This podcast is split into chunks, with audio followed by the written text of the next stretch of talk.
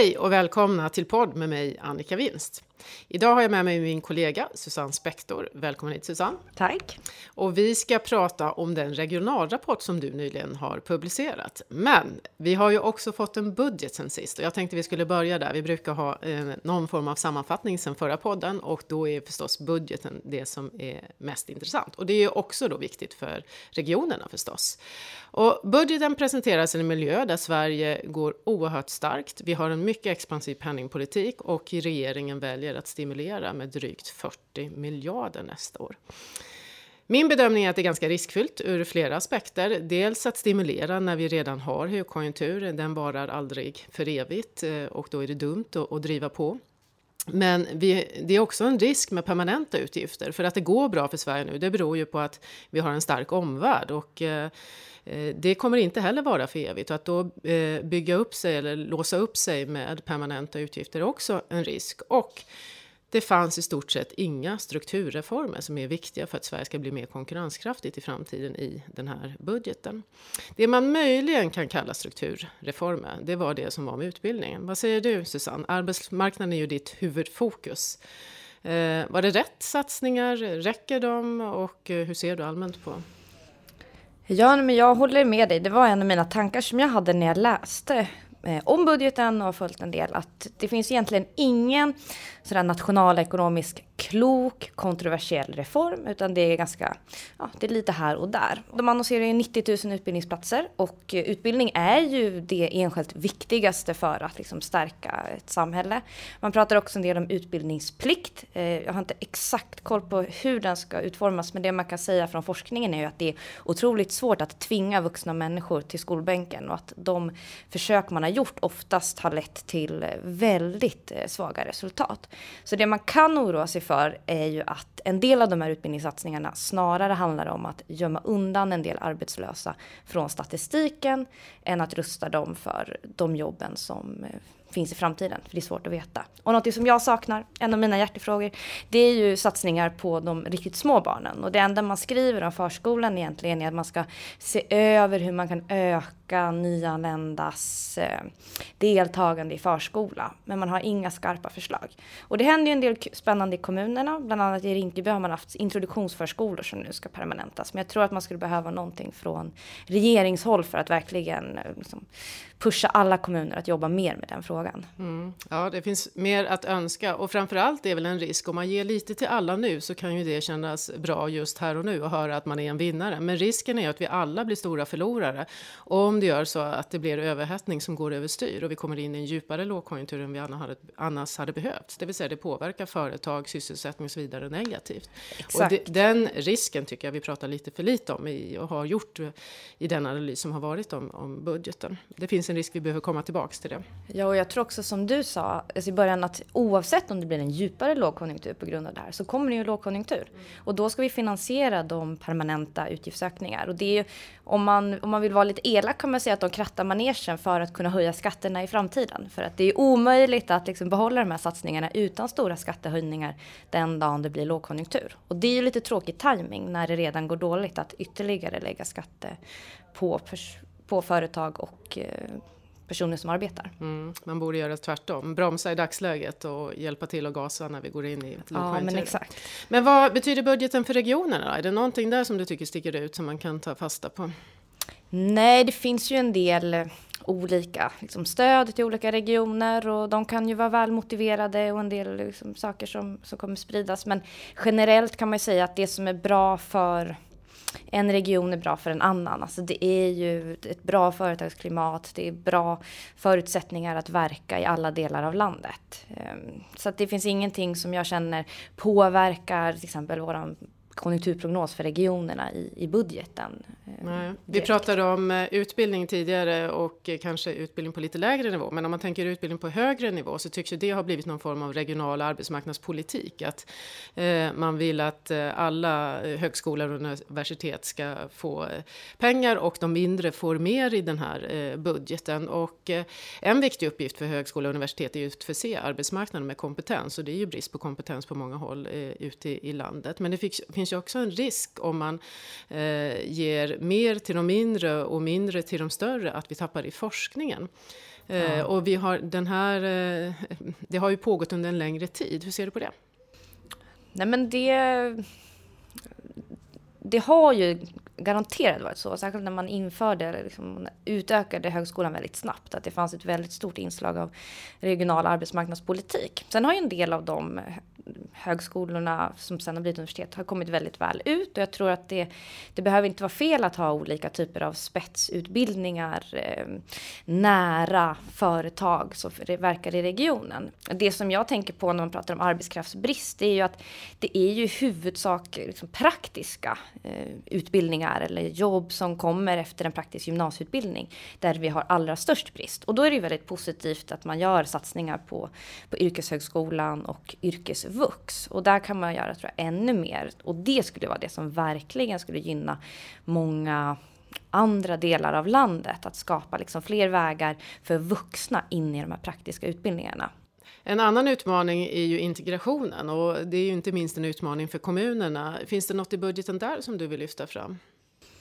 Nej, jag tycker att det finns väldigt lite som verkligen eh, snabbt kan förväntas göra skillnad för integrationen. Man tar ju egentligen inte i den frågan alls. Utbildningsplikt och utbildningssatsningar, det är ganska lång väg. Ofta när man kommer hit ska man ju först lära sig språket och sen kanske skaffa sig en utbildning och innan man har hunnit igenom den så har det ofta gått väldigt lång tid. Och forskningen är ju enig om att det är subventionerade anställningar och att snabbt komma i arbete som är det viktiga. Och där finns det faktiskt en sak som jag, som jag skulle vilja lyfta fram och det är att man för, förenklar anställningsstöden och slår ihop fem stycken till ett. Och det är ju någonting som har efterfrågats väldigt länge av ekonomer. Så att där tar man ett litet steg på rätt riktning men det är ju ändå lite mer av samma sak som vi har gjort väldigt länge. Och det är svårt svårt att se att eh, någonting här kommer ha en fundamentalt stor annorlunda effekt. Och det här är ju någonting som jag stöter på väldigt mycket när jag tittar på de olika regionerna. Att det finns ju eh, ganska många, särskilt högre upp i Sverige eller i norra delen, där man har stora demografiska utmaningar. Där befolkningen i arbetsför ålder inte ens ökar. Och man ser en inflyttning. Och kan man få dem i jobb så är det ju en fantastisk tillgång. Men det är någonting som, ehm, som det är en bit kvar innan, innan det verkligen mm. blir av. Det finns mer att önska och det är ju onekligen ganska bråttom. Många av de som har kommit hit på senaste tiden är på väg ut på arbetsmarknaden. Ja, det är otroligt bråttom. Man borde ha gjort saker 2015. Ja. Och än så länge, vi, nu får vi vänta till efter valet innan mm. någonting förhoppningsvis. Ja, det är oroväckande. vi får komma tillbaks till det. Men mm. eh, i våras så presenterade vi ju en konjunkturrapport där vi pratar om en synkroniserad, synkroniserad tillväxt i världen. Sen dess har vi presenterat en eh, konjunkturrapport till nu i september och då fick man lägga till ytterligare några viktiga länder som Brasilien och Ryssland som också har tillväxt, råvaruländerna. Och nu pratar du om en synkroniserad tillväxt i regionerna. Berätta. Ja, men det är ju det som vi har sett egentligen sen, sen våren, att det går bättre i världen och det går bättre i Sverige och det går bättre i alla regioner. Så jag tror vi gör upprevideringar faktiskt för ja, i stort sett alla regioner i den här konjunkturrapporten. Och det är ju framför allt de mindre regionerna Eh, de som är eh, exportberoende och som har haft en ganska liksom långsam och tuff resa tillbaka från eh, finanskrisen där vi verkligen ser en uppväxling nu och där man kommer att ta igen en, en stor del av det, det, man tappat. Så det är någonting som är väldigt kul. Jag pratar lite om en andra konjunkturuppgång. Först hade vi liksom ganska stark tillväxt i Sverige som var konsumtionsdrivet och nu har vi gått in i liksom en andra våg då det drivs mycket av byggindustrin och exporten. Och det ser man när man tittar på regionerna att tidigare var Stockholm verkligen liksom motorn. Nu är Stockholm Ja, det går fortfarande bra, men man närmar sig liksom normaltillväxt snarare än att vara i en liksom, superhögkonjunktur. Medan de mindre regionerna, där är man verkligen eh, liksom mitt i den bästa tiden just nu. Mm. Men då uppfattar jag det ändå som att det som är nytt sen i våras när du lämnade din senaste rapport är att vi har ännu lite bättre tillväxt ute i, i, i landet. Exakt, mm. exakt. Eh, Västsverige så är näringslivet påtagligt mer optimistiska än normalt och det beror, om jag förstår det rätt, på global efterfrågan.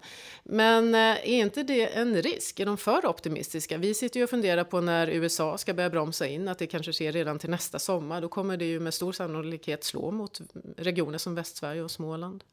Ja, de är ju väldigt optimistiska om nuläget och det tror jag är ganska befogat. Tittar man lite längre ut, om man tittar på liksom, vad tror de om ett halvår till ett års sikt, så är ju företagen generellt eh, mindre optimistiska än de är om nuläget. Där sticker egentligen Sydsverige ut som den region som har liksom allra ljusast utsikter även på ett års sikt. Och det kan kännas rimligt eftersom de har ett mycket mer diversifierat näringsliv där de har både export, privat tjänstesektor, offentlig sektor. Ja, det har ju alla, men det, det, är mer diversifierat där. I Göteborg, som ju verkligen är Västsveriges tillväxtmotor, där upplever jag när man träffar företag och person, privatpersoner eller liksom, ja, som man träffar, att de upplever också lite den här risken att man är väldigt beroende av ett par industrier och vad händer den dagen, dagen det viker? Man har inte kommit lika långt i någon strukturomvandling till en mer diversifierad Nej, de är medvetna om risken med, med omvärlden. Ja, du nämnde exakt. Sydsverige här och när jag tittade på det avsnittet så Sydsverige så är byggkonjunkturen urstark, eh, skriver du. Och mm. eh, för mig känns det en liten varningsflagg här också. Eh, när jag är i, har varit i Skåne den senaste tiden så får jag signaler om att byggmarknaden börjar bli mogen eh, och jag mm. hör det i andra regioner också. Eh, man får tillbaks hyresrätter som ligger inom hyfsat rimliga prisnivåer trots att väldigt många människor står i bostadskö och så vidare. Eh, hur ser du på det? Är bygg, eh, bygg en risk? Ja, det är definitivt en risk. Och vi, rapporten heter ju Byggboom och det är ju någonting som vi verkligen ser i, i alla delar av landet. Jag eh, jag känner mig lite mindre oroad för till exempel Sydsverige där man dels ligger lite efter Stockholm och, och liksom Göteborg i konjunkturuppgången eh, och också där man ser, vi, kom, vi tittar även på kommuner och bostadsbrist och bostadsöverskott och att i, i Skåne så, så finns det fortfarande ändå bostadsbrist. Nu är det inte samma sak som att säga att alla som, som inte har en bostad som de vill ha skulle kunna köpa en. Men det ser ändå ut som att det finns lite mer byggande att ta igen. Men det är ju viktigt att man ändå bromsar nu när byggandet ökar så snabbt. Att om vi fortsätter öka byggandet så snabbt som vi gör nu, då är det ju verkligen någonting som kan bli eh, ja, utlösa egentligen ett boprisfall längre fram. Så att vi har ökat byggandet, det har varit bra. Men om vi fortsätter öka den här takten, då kan det bli riktigt illa. Ja, jag tänkte vi skulle komma tillbaks till byggandet mm. när vi mm. pratar temat, men innan vi lämnar regionerna så eh, mm. du skriver att östra Mellansverige följer svensk ekonomi bäst. Varför ser det ut så? Ja, det är lite svårt att säga, men sannolikt så är det för att det är en ganska bra representation av, eh, av Sverige, både geografiskt, att det ligger både nära liksom, Stockholm men det ligger också ganska nära Västsverige. Men också att näringslivet eh, i, region, i liksom den samlade regionen, eh, Mellansverige, är ungefär som, eh, som näringslivet i övrigt. Ehm, men det är ju någonting som, som, jag, som är intressant att de har avvikit lite grann då från, eh, från svensk tillväxt under senare tid och tycks tappa. Medan så går man tillbaka till liksom, ja, första halvan av 2000-talet så kunde man egentligen lägga tillväxtkurvorna på varandra och de var exakt lika. Ehm, så det är någonting för regionen att försöka ta igen framöver. Mm. Eh, jag tänkte vi, vi släpper eh, regionerna lite där och går in på de temana som du också har skrivit om. Och du har skrivit om ett arbetsmarknadstema. Arbetslösheten sjunker snabbt. Eh, men vi har stora arbetslöshetsgap, skriver du i ett internationellt perspektiv. Mm. Förklara, vad är ett arbetslöshetsgap och vad betyder det för regionerna? Eh, arbetslöshetsgapet, eh, som vi definierar här, det är skillnaden i arbetslöshet mellan lågutbildade och högutbildade. Och vi vet ju sedan tidigare att arbetslösheten är betydligt högre för personer med kort utbildning. Och jämför man de här arbetslöshetsnivåerna Eh, skillnaden då, så är de betydligt större i Sverige än i ett internationellt eh, perspektiv. Och det betyder ju att eh, lågutbildade har relativt sett svårare att komma in på svensk arbetsmarknad än de har i andra länder. För det skulle ju kunna vara så att man har ett lågt gap för att man inte har någon, eller man har hög arbetslöshet i alla grupper, men det är inte så, utan Sverige ligger rätt normalt till för högutbildade, men ganska högt för, för lågutbildade. Och det här är ju såklart, dels är det ju en utmaning för samhället att stora skillnader mellan grupper skapar en brist på sammanhållning som kan liksom leda till ökade spänningar. Ser man att det är mycket svårare för mig att få ett jobb än min granne som har gått på gymnasiet till exempel så kan ju det skapa en känsla av att samhället inte har plats för en själv. Nej.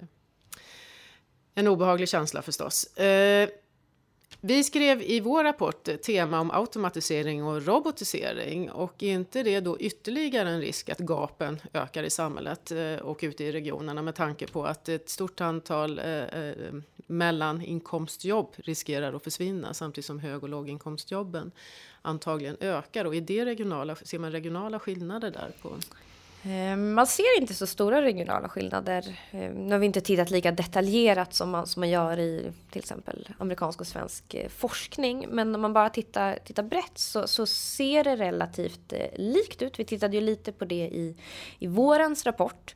Jag tror att eh, det vi hittills har sett är ju att när mellanjobben försvinner så är det i takt med att andelen gymnasieutbildade eller mellankvalificerade går i pension. Så att, så att vi har inte sett den här stora utträngningen som man tänker sig.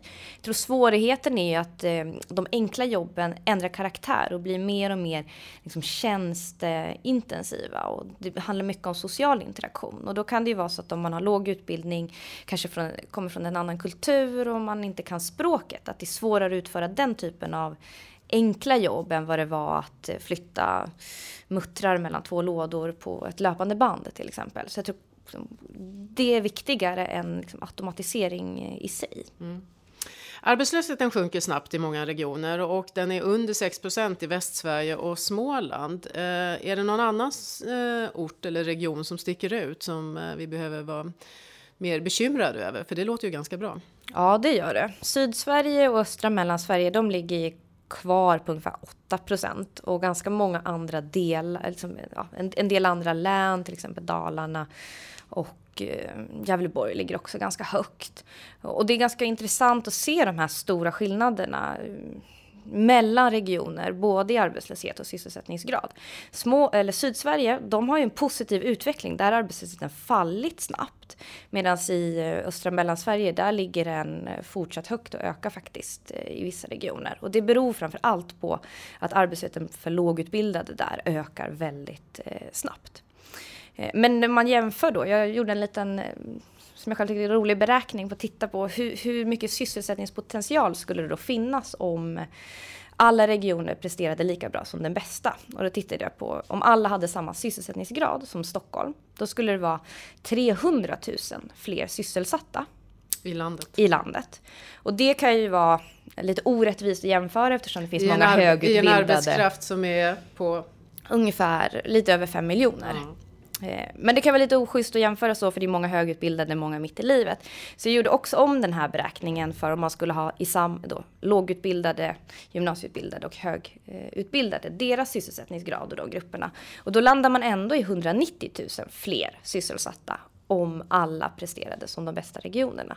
Så att det finns lite eh, potential mm. där ute i landet fortfarande. Men som ekonom så brukar man inte vilja prata eh, arbetslöshet utan sysselsättningen är viktigare. Eh, med tanke på att vi vill ha tillväxt, skapa skatteintäkter och få människor i arbete. Och att man kan trixa med arbetslöshetssiffrorna. Hur ser sysselsättningen ut i regionerna? Ja, men den ökar snabbt i alla regioner. Och något som är väldigt positivt är att den ökar snabbare än befolkningen i alla regioner. Så sysselsättningsgraden ökar.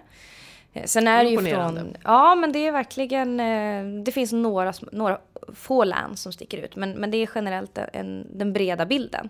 Sen framöver kommer det bli svårare att följa den här statistiken eftersom det finns en del mätproblem i, i AKU och vi ska inte gå in eh, liksom, på alla teknikaliteter där, men man kan tänka sig att sysselsättningen överskattas en del i år på grund av att det är svårt att fånga upp alla nya svenskar i statistiken. Mm, det kommer in fler. Exakt, och det, det kommer nog bli ett större, en större utmaning eh, under i år och nästa år än vad det har varit hittills. Mm. Eh, vi har inte så mycket tid kvar, men du har också skrivit ett, ett tema om eh, bygg eh, och jag tänkte att vi skulle nämna något om det också. Och rapporten heter ju som du själv nämnde Byggboomen och det är ganska precis ett år sedan jag stod första gången och sa att vi får nog fundera över hur mycket vi bygger och framför allt att vi bygger alldeles för mycket av samma sort. Och som jag nämnde när vi pratade eh, Skåne så hör jag på allt fler eh, håll och kanter att man nu är lite bekymrad. Och du skriver att byggandet är den högsta nivån på 25 år i de flesta regioner. Mm. Berätta, vad, tänker du? Nej, men jag oroar mig ganska mycket för bostadsmarknaden och det som jag tycker är extra oroväckande det är när man tittar på, på siffrorna att man bygger precis överallt. Man bygger i regioner där det finns en bostadsbrist i, i, i den bemärkelsen att befolkningen har växt mer än bostadsbyggandet. Vilka regioner är det? Alltså det är framför allt storstadsregionerna. Det är framför allt om man går ner på kommunnivå så är det framför allt Stockholm, Göteborg och Malmö och kring, kringliggande kommuner. Och det är också då i regionvis eh, så blir det då Västsverige och Sydsverige Stockholm där vi ser det. I de andra så har det byggts, om man tittar bara på de senaste 25 åren, i balans med hur befolkningen har utvecklats. Men att man bygger så mycket på ställen där det inte finns någon direkt brist och också som, eh, som Andreas som har skrivit temat eh, att en del kommuner bygger proaktivt för att locka till sig. Det är ju någonting som, eh, som man verkligen kan, kan oroas över. Och det är, lätt det är en risk om alla, alla gör det. Ja exakt, det, det blir, och det tycks ju vara så att alla gör det, eller åtminstone bygger mer än vad, vad det tycks eh, behövas. Och eh, det brukar ju vara så att ett boprisfall börjar i en stor, liksom i huvudstaden. Men bara för att det har varit så historiskt behöver det inte vara så att alla kriser följer historiska mönster, utan tvärtom så ser de oftast eh, ut på ett sätt som vi inte kunde förutse. Så, att, eh, så det oroar mig. Eh, jag tror jag har nämnt tidigare i någon podd att jag träffar väldigt många kommunalpolitiker som säger att de ska växa så här mycket fram till 2030 eller 35 eller Exakt. vad de har för mål. Och om alla ska göra det, då blir det mäckigt. Och om alla bygger för att de ska växa så, då bygger vi in stora risker i systemet. Eh, vi har, har eh, bestämt att vi ska släppa nästa konjunkturbedömning i januari. När kommer du släppa din nästa regionalrapport? Eh, den planeras till i början av mars. Mm. Så ungefär en månad efter. Det ser vi fram emot. Vi har eh, hunnit prata om några delar av den här regionalrapporten, mm. men den finns förstås eh, på nätet och man kan eh, mejla Susanne Spektor om man vill ha kommentarer eller höra mer om no någon specifik region. Ni hör att hon har massa mer, mer detaljkunskap än vad ni har fått eh, till livs idag. Och eh, jag vet inte, är det något jag har missat att fråga dig om som du vill lämna innan vi tackar för idag? Eh, nej, jag tycker vi har täckt av eh, många av höjdpunkterna i rapporten. Men det finns såklart väldigt mycket mer för den intresserade eh, läsaren och framförallt om man vill borra ner sig i olika regioner. Ja, varmt välkomna och hör av er till Susanne om ni har eh, fler frågor. Ja. Stort tack för att ni har lyssnat och eh, vill ni lyssna på fler eller läsa mer analyser som vi gör så finns det på Nordea och Nexus. Tack och på återhörande.